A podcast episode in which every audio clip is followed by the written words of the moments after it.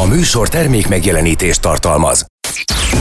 Van, aki készül rá, és van, akinek eszébe se jut. Van, aki úgy gondolja, még ráér ezzel foglalkozni, és van, aki azt hiszi, már el is késett. Aztán egyszer csak... És a feje tetejére áll a világ, és hirtelen rádöbbensz. Apa lettél. Szerintem inkább anya. Apád anyád, az Érdefem 1013 papás-mamás gyerekekkel foglalkozó műsor a nagyszülőknek is. Ölvedi Rékával és Zsuffa Péterrel. Itt van Réka. És itt van Peti, és üdvözöljük a hallgatókat kedden, csütörtökön, szombaton és vasárnap is. Hát a sikeres házasság tekintetében eleve nagyon készülök egy adásra, ahol megbeszéljük majd, majd valamikor ez is el fog hangozni, sokkal később ezután egyébként, ahol mi is a házasság? Miért van ez? Milyen intézmény ez? Milyen célt szolgál? Típusú kérdésköröket szeretném tisztázni, mert erre majd valakivel okoskodunk egy kört, de az biztos, hogy tapasztalati úton egy nagyon jó, empirikusan igazolható működő házasságot találtál Réka, igaz? Én úgy tudom, de majd mindjárt megerősítik. Krista Gabriela és Krista Gábor, mint házaspár a vonal végén. Sziasztok! Sziasztok! Sziasztok! Sziasztok! Na mennyire happy és boldogság ott a túlvégen nálatok az élet? Meséljetek! Hát most itt, itt halkan nevettünk. A tökéletes házasság, hát olyan nincs szerintem. De azért mi egész jól űzzük így, nem tudom már hány éve. Na hány éve? 36. Azt a A mindenit. házasság az csak 34 és fél éve van. Igen, most leszünk 35 éves házasok nyáron. Na várjatok, itt három különböző szám hangzott el, akkor most hogy is volt? A történet az 1986. december 30-án kezdődött, és egyébként én elgondolkodtam rajta most, hogy így egy kicsit készültünk erről a beszélgetésre, hogy nekünk ez a december 30-ai előszilveszter, ezek mindig sokkal jobban sikerülnek azóta is, mint egy bármilyen szilveszteri buli. 1986. december 30-án ismerkedtünk meg. Aztán, hogy az hogyan, mindenki máshogy emlékszik. De akkor ez egy előszilveszteri buli volt, amin összefutottatok? Igen. Az volt? Igen, én főiskolára jártam Budapesten, és mi vidékiek vagyunk, kaposváriak eredetileg, és Kaposvárra mentem haza szilveszterezni a barátaimmal, és előtte való nap elmentünk egy kicsit csavarogni, körbenézni a városban, és volt egy előszilveszteri buli, és ott találkoztam a hölgyel. Ez nem így volt. Na, hogy volt? Hát úgy volt, hogy ugye, hát én akkor még csak, hát még 20 éves se voltam, tehát nagyon fiatal voltam, és tudod, ilyenkor még a barátnők a gimibe jönnek, mennek, hát menjünk egy kicsit bulizni, és elmentem az egyik barátnőmmel bulizni, és ott volt a Gábor, és én úgy megállapítottam, hogy jaj. Viszont ő ezt nem állapította meg, hogy jaj. Elég, eléggé munkás volt a történet, mire sikerült felfedeznie azt, hogy én ott vagyok. És akkor nekem még a természetes hajszínem volt, ami szőke egyébként, egy, egy magas lány, szőke haja, kék szemmel, és nem veszik észre. Tehát én haláloztam, vérű voltam sértve. Ez a történet. Mindig úgy meséli, hogy firget forgott körülöttem, össze-vissza, hogy hát, ha észreveszem, és én hát valószínűleg egy kicsit bamba voltam. Nem, nem tudom, tehát valahogy nem esett le a tantusz. De aztán csak, csak sikerült észrevetetnie magát. Tehát, Hát én nem ismertem ugye 20-20 évesen a Gabit, de hát amióta megismertem azért mégiscsak egy figyelemre méltó személyiségnek látom. Tehát Gábor eléggé elbambultál akkor. Hát ez egy ilyen buli, forgatag, haverokkal, belecsöppensz, akkor nem is tudom már két éve, két és fél éve, vagy nem tudom mióta, én csak éppen-éppen néha hazalátogattam, tehát mindenki ismeretlen volt, újdonság volt minden, és valahogy ezért nem esett le a tantusz, de aztán utána észrevettem, hogy fireg forogott ez a kis csaj. és megmondom őszintén, amikor ott firget forgott, én már valami rémlik is nekem, hogy először úgy voltam vele, hogy hát ez túl jó nő hozzám, hagyjuk már. Hát ez nem, szóba se áll velem. Hát ez, ez, ez nem fog engem komolyan venni. És akkor valahogy mégis, nem tudom, úgy elindult a dolog, beszélgettünk egy kicsit ott, rokonszenves szimpi csaj volt nagyon, aztán mondtam, hogy hazakísérem, Nem, ez se így volt. hát nem pont. Na várjátok, épp ez az is érdekel, hogy benne volt a levegőben? Éreztetek valamit a buli előtt? Mert nekem valaki már úgy mesélt történetet el, hogy ő azért ment abba a buliba el, egy konkrét buliba, úgyhogy azt hiszem, hogy 38-2-es láza volt, és alig állt a lábán, iszonyatosan rossz volt, mert tudta, hogy ott leszek. Nem, Tehát... nem, mert hogy amikor én oda elmentem a buliba, akkor nekem volt egy barátom, csak akkor még tudjátok, volt ez a klasszikus sorkatonai szolgálat, és ő sorkatona volt, és hát a rendes lány az nem ül otthon ilyenkor. Hát ez, se, fontos így. Nem a barát, hogy vele elmegy bulizni. Ez se fontos, a vőlegénye volt. Ajajaj! Na hát, ez már azért komolyabb történet. Felfegyverzett főlegény. Abban, abban érzek rizikót. Igen, szegény utána nagyon szomorú lett, úgyhogy igen. Szóval az úgy volt az a hazakísérés, hogy megkérdezte, hogy te hol laksz és én mondtam, hogy hol lakom, Kaposváron, tulajdonképpen egymás mellett laktunk, és akkor azt mondta, jó, akkor mehetünk együtt. Így kell udvarolni, és csak úgy mondom. Hát ez az igazi udvárlási tempó, és én úgy voltam vele, na jól van, akkor mehetünk együtt. Azért engem ez a sürgés-forgás is érdekelne, hogy hogyan keltett föl nőként a férfi figyelmét. Tehát, hogy ezt lehet, hogy lehetne tanítani most a lányoknak, mert úgy hallottam, hogy kicsit átfordult ez a dolog, és most már a lányok udvarolnak. Pedig az a násztánc, amit te lejthettél ott, azért az lehet, hogy tényleg tanítható. Hát én alapvetően mindig is egy ilyen vikedélyű, nyitott, tehát a megfelelő szituációban és a megfelelő helyen, tehát azért mindig alkalmazkodunk az adott helyszínnek a viselkedési szokásaihoz, de amikor csak így magánéletben, vagy barátokkal, vagy csak úgy jól érezzük magunkat, én nyitott és egy ilyen nagyon vikedélyű, jókedélyű, nevetgélős emberke vagyok még a mai napig is, de akkor meg még úgy anyukám mindig azt mondta, hogy egy ilyen igazi cserpes kislány voltam, aki csak ott jött, ment, firget, forgott, nézelődött, és mindig csodálkozva néztem a világra, és úgy, hát ennyi volt, és nyilván megláttam őt, és akkor azt mondtam, hogy hát igen, na, hát valami, vagy akármi, és, és nem vett észre, ugyanis ez lehet, hogy most ilyen nagyképűnek hangzik, de engem mindig észrevettek, és ő meg nem vett észre. Tehát ez. Aha. Tehát a, a gimibe én a barátnőimnek mindig mondták, hogy Gabi, gyere velünk, és akkor mindenkinek lesz, lesz pasia. Mert hogy én, én nem, tehát nem vagyok ilyen pasizós, hanem egyszerűen csak adom magam, jól érzem magam, a vikedély az meg mindig kell, tehát, és akkor is kellett, csak ő nem vette észre. Ja, valószínűleg az volt különben, hogy akkor egy olyan barátommal voltam ott, akinek állandóan mindig ilyen nem volt egy rossz kiállású gyerek, de mindig valahogy úgy olyan érdekesek voltak a kapcsolata, és azt hiszem akkor is úgy mentünk, hogy gyere már el Gábor, és akkor majd ott körülnézünk a csajok között. Én meg mondtam, hogy hát én úgyis most két napra hazajöttem, biztos, hogy nem fogok itt foglalkozni semmivel.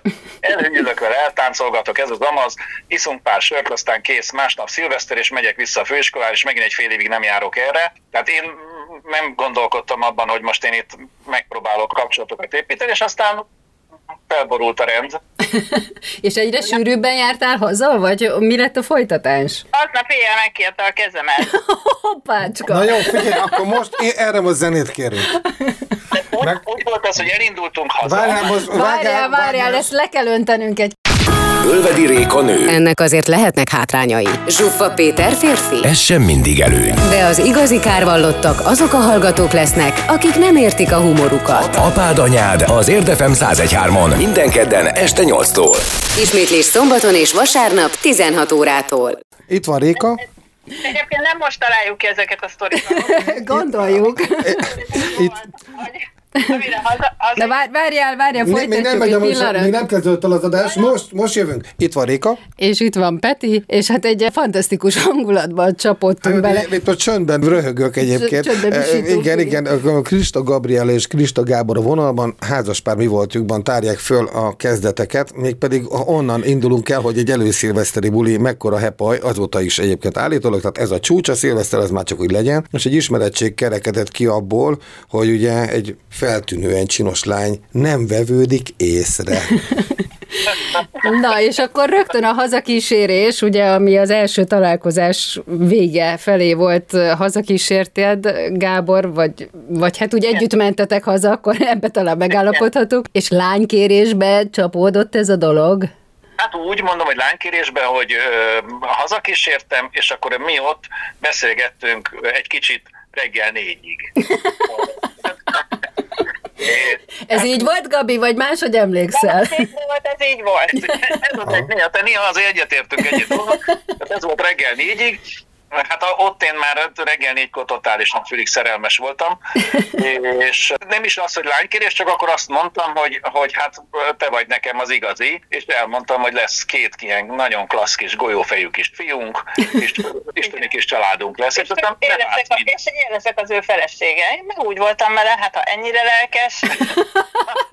Igaz, hogy már van egy vőlegényem, de hát még egy is jó lehet. De nem volt ennyire lelkes. Az vőlegényem nem volt ennyire lelkes de ő nagyon lelkes volt, és akkor úgy voltam vele, hát nézzük meg, mi lehet ebből. De hm. tényleg így gondoltam, sőt, hazaértem, fölébresztettem anyukámat, hogy te anyukám megismerkedtem egy fiúval, és azt mondta, hogy feleségül akar engem menni. És anyukám azt mondta, kislányom, feküdjünk le aludni. Nem vette komolyan ő sem. Hát ezt azért nehéz így komolyan venni. És akkor gyorsan, amikor a vőlegényed ugye a, kapott egy kis kimenőt a katonai szolgálatból, akkor rögtön mondtad neki, hogy hello, változás van? Hát lebegtette ezt a dolgot, mert nem bízott benne, hogy én még visszatérek. Tehát azt hitt, hogy ez csak egy ilyen lelkesedés volt, és utána mégsem leszek annyira komoly. Igen, mert utána a 31-én elmentünk együtt szilveszterezni, és a barátai megnyugtattak engem, hogy hát azért nem szabad őt komolyan venni, mert, mert nehogy azt gondoljam, hogy ő Budapestről Kaposvára fog hozzám visszajárni, és hogy ez, ez nem, ilyen még nem volt, és fogadásokat kötöttek, hogy Gábor nem fog jönni. Jó. Akkor kemény pénzeket fizettek ezek szerint a srácok.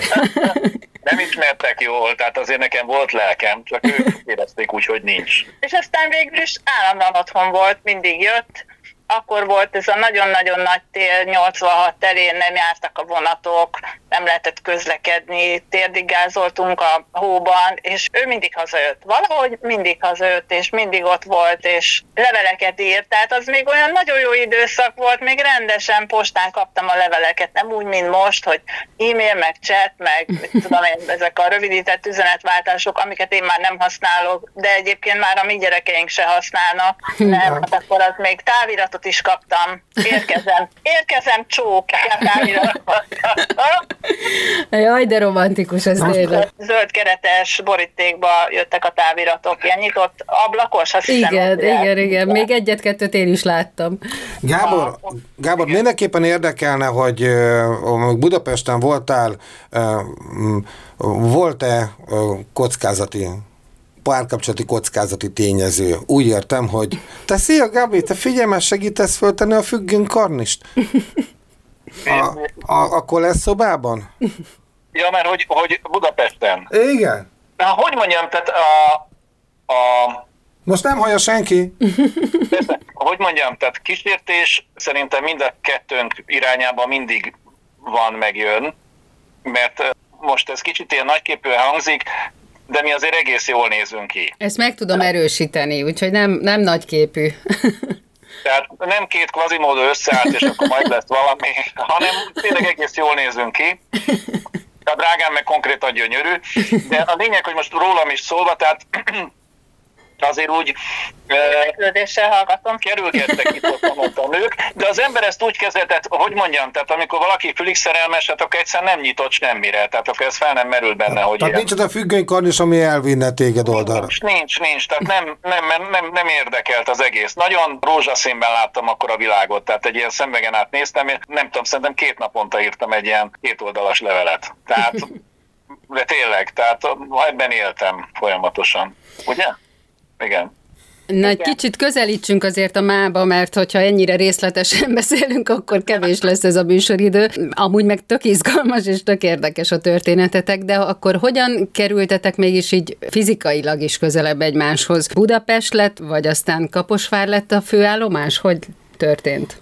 Én akkor katonai főiskolára jártam, és az első helyem után, amikor végeztem katonatisztként, már az Nagyatádon volt, és Nagyatádon nagyon romantikusan kaptunk egy szolgálati lakást, ahol két ilyen borzalmas háttámlás szófa vagy kanapé vagy mi volt, azt toltuk össze, az volt a francia ágy. Az azt jelentette, hogy egy ilyen 50 centis kerítést kellett átugrani, hogy bejuss az ágyba.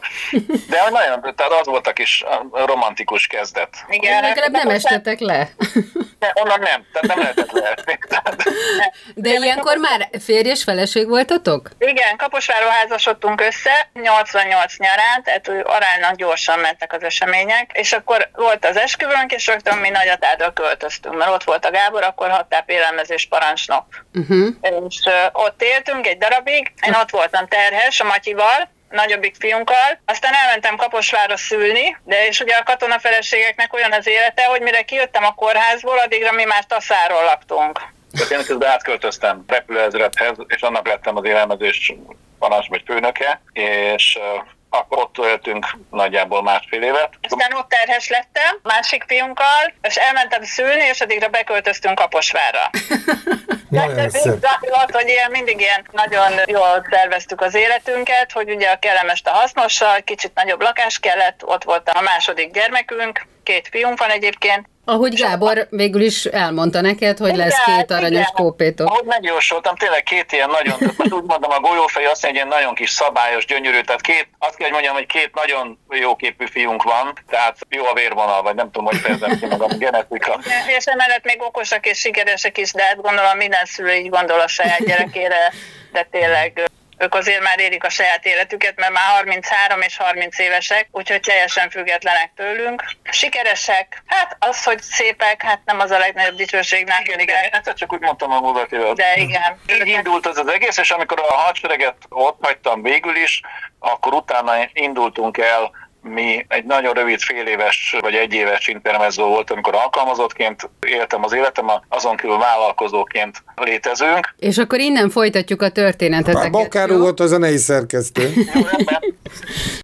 Azt tolja a babakocsit, aki tovább húzza. Páros napokon pedig apa pelenkáz. Amennyiben idehaza van. Majd félreteszem őket, hogy kidobhassa. Apád anyád az Érdefem 1013-on minden kedden este 8-tól szinte konfliktusmentesen. Ismét, ismétlés szombaton és vasárnap 16 órától. Itt van Réka, a zenei szerkesztő most visszament az irodájába. Egy pár percet ad nekünk, és itt van Peti, és Krista Gabriella és Gábor, mint házas pár, akikkel beszélgetünk. Hát igazából talán itt indult be az élet már, amikor ugye Várjál, megvan a két hát, gyerek. olyan hallgató, aki nem mondom, tudja. A 35 év házasságnak a sikereit próbáljuk elemezni, annak tükrében, hogy hány műsorunk ment már le vállással kapcsolatban, és itt van valaki, akik nem válnak, sőt, nem is akarnak, nem is fognak, hanem úgy tűnik, nem kérdeztük meg tőlük. A jelek szerint nem úgy fest a szituáció éppen, hogy így lenne. És akkor a, a sztorinak a sikerességének a kulcsait keressük. Most jól gondolom, hogy egy házasságban, hogy most kicsit kiszakadjunk a maga a sztoriból egy picit úgy rátekintésbe. Igen. Tehát a konkrét történetek most félretéve, ott fog eldőlni, hogy én mennyire, mennyire leszek harmonikus kapcsolatban, hogy felosztjuk a feladatköröket?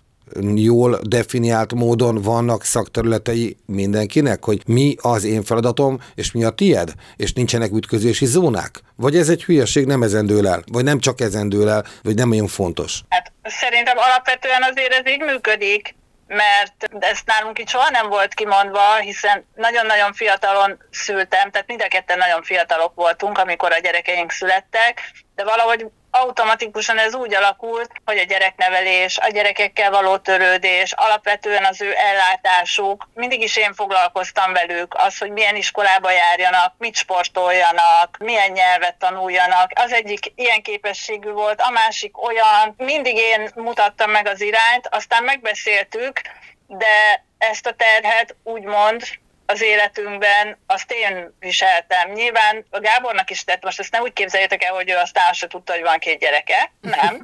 Tehát nyilván elment dolgozni, én nem dolgoztam a nagyobbik gyerekünk 9 éves koráig, hanem velük törődtem, uh-huh. tanítottam, fejlesztettem, kerestem az utat. Az egyik jobb képességű volt, mint a másik. Akkor ilyen iskola, olyan óvoda, ilyen plusz órák, soha, olyan logisztika van két gyerekkel, hogy... Bizony van. Teljes embert kíván, igen. Hozzáteszem, hogy én az élvezeti részében voltam menetelni, hazajöttem, és mondom, na akkor most elmegyünk csavarogni az erdőbe. Most elmegyünk szánkózni, és akkor menjünk biciklizni, és akkor ezek voltak az én feladatköreim. Igen, ezt nagyon jól csinálta. A probléma volt, kérdezzétek meg anyátokat. Igen, Az biztos különben egy halom dolog van, amiben azt hiszem, hogy tehát nem lehet receptet erre a, a dologra tenni. A mi kapcsolatunk nem surlódásmentes a mai napig, tehát vannak vitáink, ütközéseink, meg még egy dolgot tudni kell, és nem biztos, hogy ez a, a titka a dolognak, de mi két teljesen különböző habitusú, gondolkodású, érdeklődésű ember vagyunk. És én a magam része mondhatom, és szerintem a Gabi is van vele néha így, hogy rácsodálkozik a másikra, hogy jé, te ezt, ezzel foglalko, ezt akarod, ez érdekel. Tehát ő olyan dolgok után érdeklődik, ami engem annyira nem érdekel, de elkezdek vele foglalkozni miatt, és kiderül, hogy az sem egy unalmas vagy egy szürke zóna, hanem egy tök jó dolog, és ugyanígy van ezzel ő is. Tehát mi teljesen különböző könyveket olvasunk, különböző filmeket nézünk, vannak átfedések, de másfajta a gondolkodásunk, és ez azt jelenti, hogy az élet dolgaira is máshogy nézünk. Tehát a gyereknevelésben is van egy olyan fajta dolog, hogy őnek is megvolt a véleménye bizonyos dolgokról, nekem is, és ezeket meg megbeszéltük, és utána valamilyen konszenzus kialakult, és hogy mind a ketten ahhoz igazodtunk, és az több kevesebb mértékben jó is szokott lenni. Egy biztos volt, hogy soha nem mentünk egymással szembe gyereknevelésben. Uh-huh. Tehát olyan volt, hogy megfogtam és behúztam a fürdőszobába, hogy most ez komoly. de a gyerekekkel szemben soha, és ugyanúgy ő is mondta, hogy figyelj, kicsit, én azért sokkal szigorú voltam, tehát tényleg látszódott, hogy többet vagyok velük, keményebb, szigorú voltam, ő volt mindig a a vajszívű az engedékenyebb, imádtuk apát mindig, mert mindig mindent lehetett. Néha mondta, hogy a kicsit lehet, hogy ezt lazábban kellene, és, és tök igazunk volt, de egy biztos, hogy egymást tanítottuk nagyon sok mindenben. Tehát azért mi a nagyon fiatal felnőttből egymás mellett értünk felnőtté, meg szülővé, meg az élet minden területén, tehát mi egymást tanítottuk, és bármi van, mi azonnal összezárunk. Tehát... Ezt ezt már úgy megéreztétek azon az ominózus első éjszakán? Én akartam kérdezni, hogy benne volt a levegőben. Igen, tehát amikor ugye négyig beszélgettetek, itt azért kitérteltek mondjuk ilyenre is, amiből így feltételezni lehetett, hogy ti azért úgy együtt tudnátok működni, akár szülőként is majd? Nem, nem, hát a, akkor nem, tehát ez, ez szerintem teljesen más. Ez a dolog, ez úgy néz ki, hogy akkor volt egy vonzalom, egy szenvedély, amivel az egész elindult, és utána jött az, hogy megpróbálta az ember magát a kapcsolatot úgy alakítani, úgy élni benne, hogy életben tartsa a nehézségek során is. Tehát fel nem merült bennünk azt, tehát itt, hogy mondjam, tehát az ember, amikor szerelmes, akkor csak azt látja, hogy hú, én azt szeretném, hogy ezzel a nővel lennének közös gyerekeink, együtt élnék, mert milyen jó lenne minden reggel mellette ébredni, de az, hogy fölébredek mellette, és ő fejbevág a párnával, mert horkolok, tehát ez akkor még nem merült fel. Tehát ez a, ez a típusú, hogy mondjam, problémakör. Pontosabban arra ébredt fel, hogy fejbevágtam. Igen, hogy fejbevágom. De ugye itt már a jelenben élünk. Na jó, édesapám, tudom idézni, este aludni kell, és nem hallgatózni. Hát igen. Jó, de akkor azért a közös nevező azért megvolt ugye a legelején. Tehát azért, mert hogy mondtátok most, hogy különböző dolgok érdekelnek benneteket, de azért alapvető dolgokban mégiscsak tudtok egy irányba menni. Hát azért volt rá csodálkozás, tehát én elvittem őt egy Dresch Quartet koncertre, nem tudom, hogy azt mennyire ismeritek. Hogy ne? Tehát Én nem alap, ismerem. Alap, alap. Picit, picit, hogy mondjam, tehát nem a... a Agrár jazz. Agrár jazz. Igen, és akkor ő rajta érződött, hogy egy picikét nem érzi annyira komfortosan magát, tehát ki, kirántottam a komfortzónájából, de nyitott volt, nagyon jól viselte, független attól, hogy még ott volt egy részeg barátom is, aki, aki eljött társaságnak. Igen, ezt egy darabig viseltem egyébként ilyen jól, hogy hát ez biztos érdekes lehet, aztán mondtam, hogy én ne haragudj, de nem. Tehát én, én akkor is egy ilyen imádtam a divatot, imádtam öltözködni, az ott akkori körülményekhez képest a sminkeket, a színeket, a hangulatot, a fényeket. És akkor vállaljunk rizikót a zenei szerkesztőnk tekintetében. Mit sorsol nekünk most ő? Ezen után jövünk vissza. Mekkora szerencse, hogy az élet minden területe annyira rendben van, hogy nem kell foglalkozni a megélhetéssel, sem a törlesztő részletekkel, orvoshoz se járunk, így minden időmet a családomnak szentelhetem. Mi van?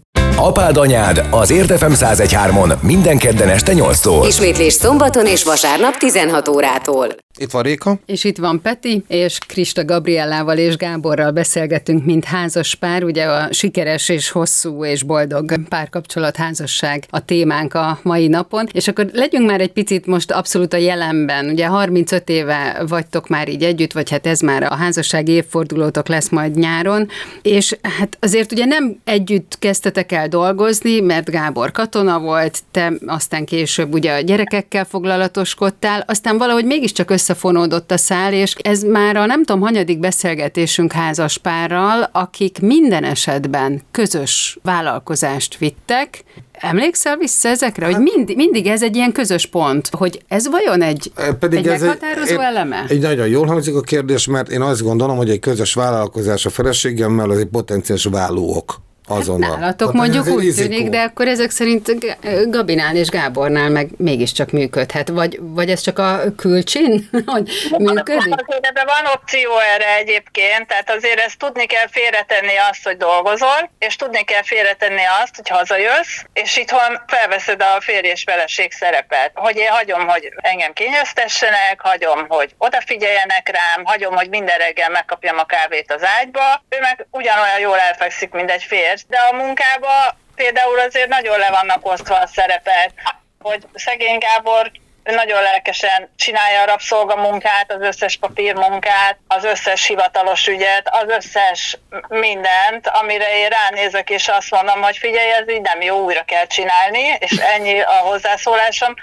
De, és csinálja, viszont az, hogy a kreativitás, a megjelenés, a beszélhetünk arról, ami éppen érintett most itt érdem vagy. Igen, persze. Igen, ugye most hoztuk ide az éttermünket, tíz napja nyitottunk, és amit ott a betérő vendég vagy hallgató lát, azt fizikailag, mármint a szögelést nem, de amit ott látnak, ízeket, megjelenést, külcsint, azt mindent én terveztem meg, amit lehetett, azt én csináltam meg, a többit pedig a Gábor segítségével, szakemberekkel csináltuk meg. Tehát azért ezek nálunk nagyon jól leoszlanak ezek a dolgok, és nagyon jól kiegészítjük egymást. És igen, ott azért sok vita van, tehát sokszor felcsattanunk. Azt kell tudni ebben az egészben, hogy nekünk volt már olyan vállalkozásunk, ahol együtt dolgoztunk, amikor nagyon jól ment minden, akkor én azért szálltam ki belőle, mert már nagyon untam. Akkor divatárú kereskedelemmel foglalkoztunk, és egy idő után nekem nagyon elegem lett belőle. Tehát a női dolgokkal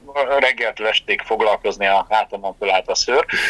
De ebben az esetben azt kell látni, hogy mi mind a ketten elég erős egyéniségek vagyunk, és meg kell tanulni az embernek azt, hogy a másiknak a véleményére hallgat. És ebben az esetben az a fajta bizalom megvan, hogy biz bízom abban, hogy a másik jót akar. Tehát nem, nem azért kritizál engem, mert van valami hátsó szándék, hanem azért kritizál, mert azt akarja, hogy az a dolog jobb legyen, amit csinálunk, és ha ez mind a két fél részéről megvan, akkor ez az alapja annak, hogy azokból a vitákból, amiben mi keveredünk, abból jól jövünk ki. Most már ez annyira egyszerűsödött, hogy ha van egy döntéshelyzet, mondok egy példát, keresünk mondjuk egy üzlethelyiséget, és elindulunk együtt, és valamelyik azt mondja, hogy ezt nem vagy van egy üzlet, ami elindulna, és valamelyikünk azt mondja, hogy ezt nem, akkor a másik azt mondja, jó, rendben van, akceptálom. Tehát akármennyire is jónak tűnik, elfogadom, hogy a másiknak van egy olyan érzése, még ha nem is tudja megmagyarázni, csak van egy rossz érzése egy helyjel, egy emberrel,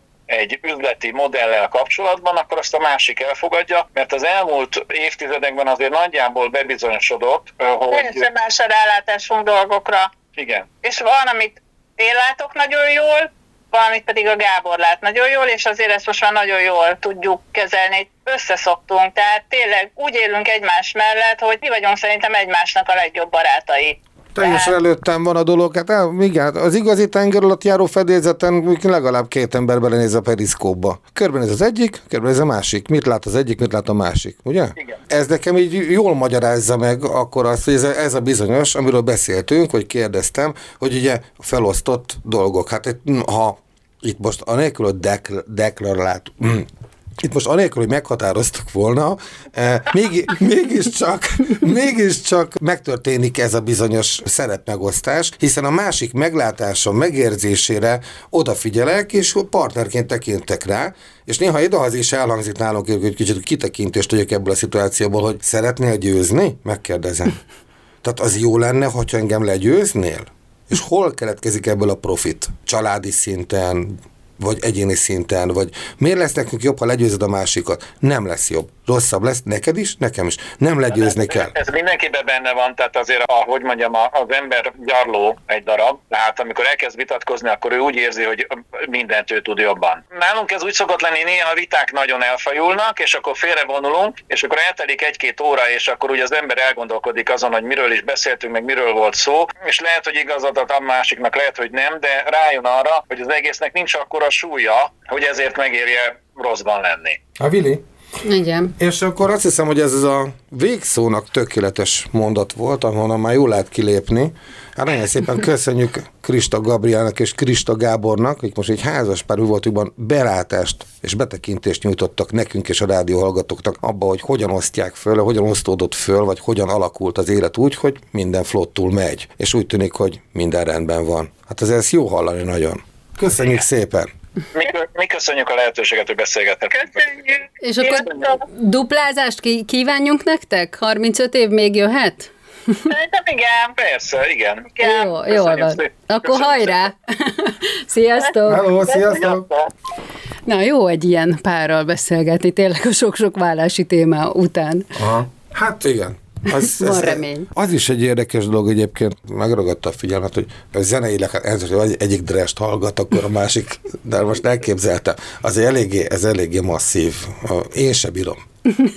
Vagy jazzistaként sokáig. Tehát ezek meredek, szakadékok, és úgy tűnik, hogy viszont a, ezek a nagy szakadékok által nagyobb a rálátásuk a világra, és jobban pozícionálják magukat. Igen, mert én azt éreztem, hogy van együttműködés, de van egy nagy adag szabadság is mellette, és ez, ez valahogy így kell. Igen, és hogyha ha esetleg magától nem adódna a szabadság, akkor csak el kell vinni a koncertre a És már is kedvesedet, szabadon és enged. már is szabadon enged, igen, és akkor figyelj, kimegyek inkább a parkolóba.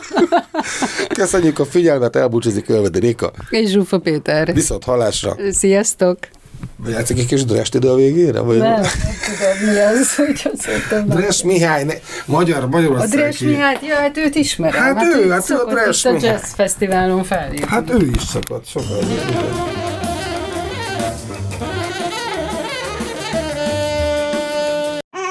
Itt az Érdefem 1013 papás-mamás műsora, az apád anyád. Ölvedi Rékával és Zsuffa Péterrel. Az Érdefem 1013 a világ első környezetbarát rádiója. Szerkesztőségünk immár forradalmian új gyártási technológiával készíti műsorait. A riportok, beszélgetések, illetve a műsorvezetések során keletkezett és kivágott őzéseket, szóismétléseket, szóismétléseket, besüléseket gondosan összegyűjtjük, majd azokat időről időre halmazatilag közzétesszük. Az Érdefem 1013 ezzel az eddig példátlan döntéssel hatalmas lépést tett a hulladékmentes rádiózás úttörőjeként. Szóismétléseket, Réka vagyok, és itt van Peti mellettem. Hello, Réka. Szia, Peti. Hello, Gábor szia. is. Sziasztok! Hello. Szia, hellóztok!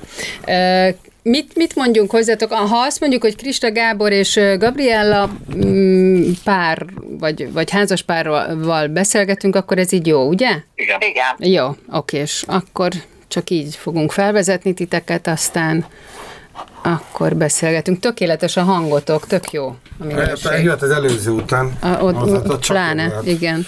Jó. Na, akkor Indulok. elkezdjük, és akkor ö, nyolc perces blokkot veszünk föl. Jó? Jó. Laza kávéházi hangulat. Tehát egy ilyen kis dumcsi az egész. Jövünk uh, már Mint uh, A, amikor ö, Ö, Én nem ö, egy, egy, most uh, Kaposváron, most uh, és a, a, nem ilyen valamit. ö, nem oké. jövünk, jövünk fel a másodikra. Vi, vi, És akkor ö, mindig uh, az mindig olyan dolgok vannak, ami számomra, tehát hogy, hogy, hogy utolsó blokkon vagyunk. és itthon mind, hát igazi, Jéghegy, nem jéghegy, nem. Az, nem az.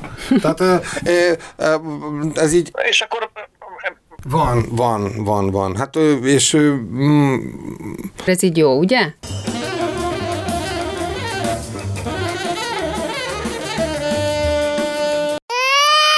Ez volt az Apád Anyád. Ölvedi Rékával, Zsuffa Péterrel, gyerekekről, családról és a két örök kibékíthetetlen dologról Férfiról és nőről. a műsor termék megjelenítést tartalmazott.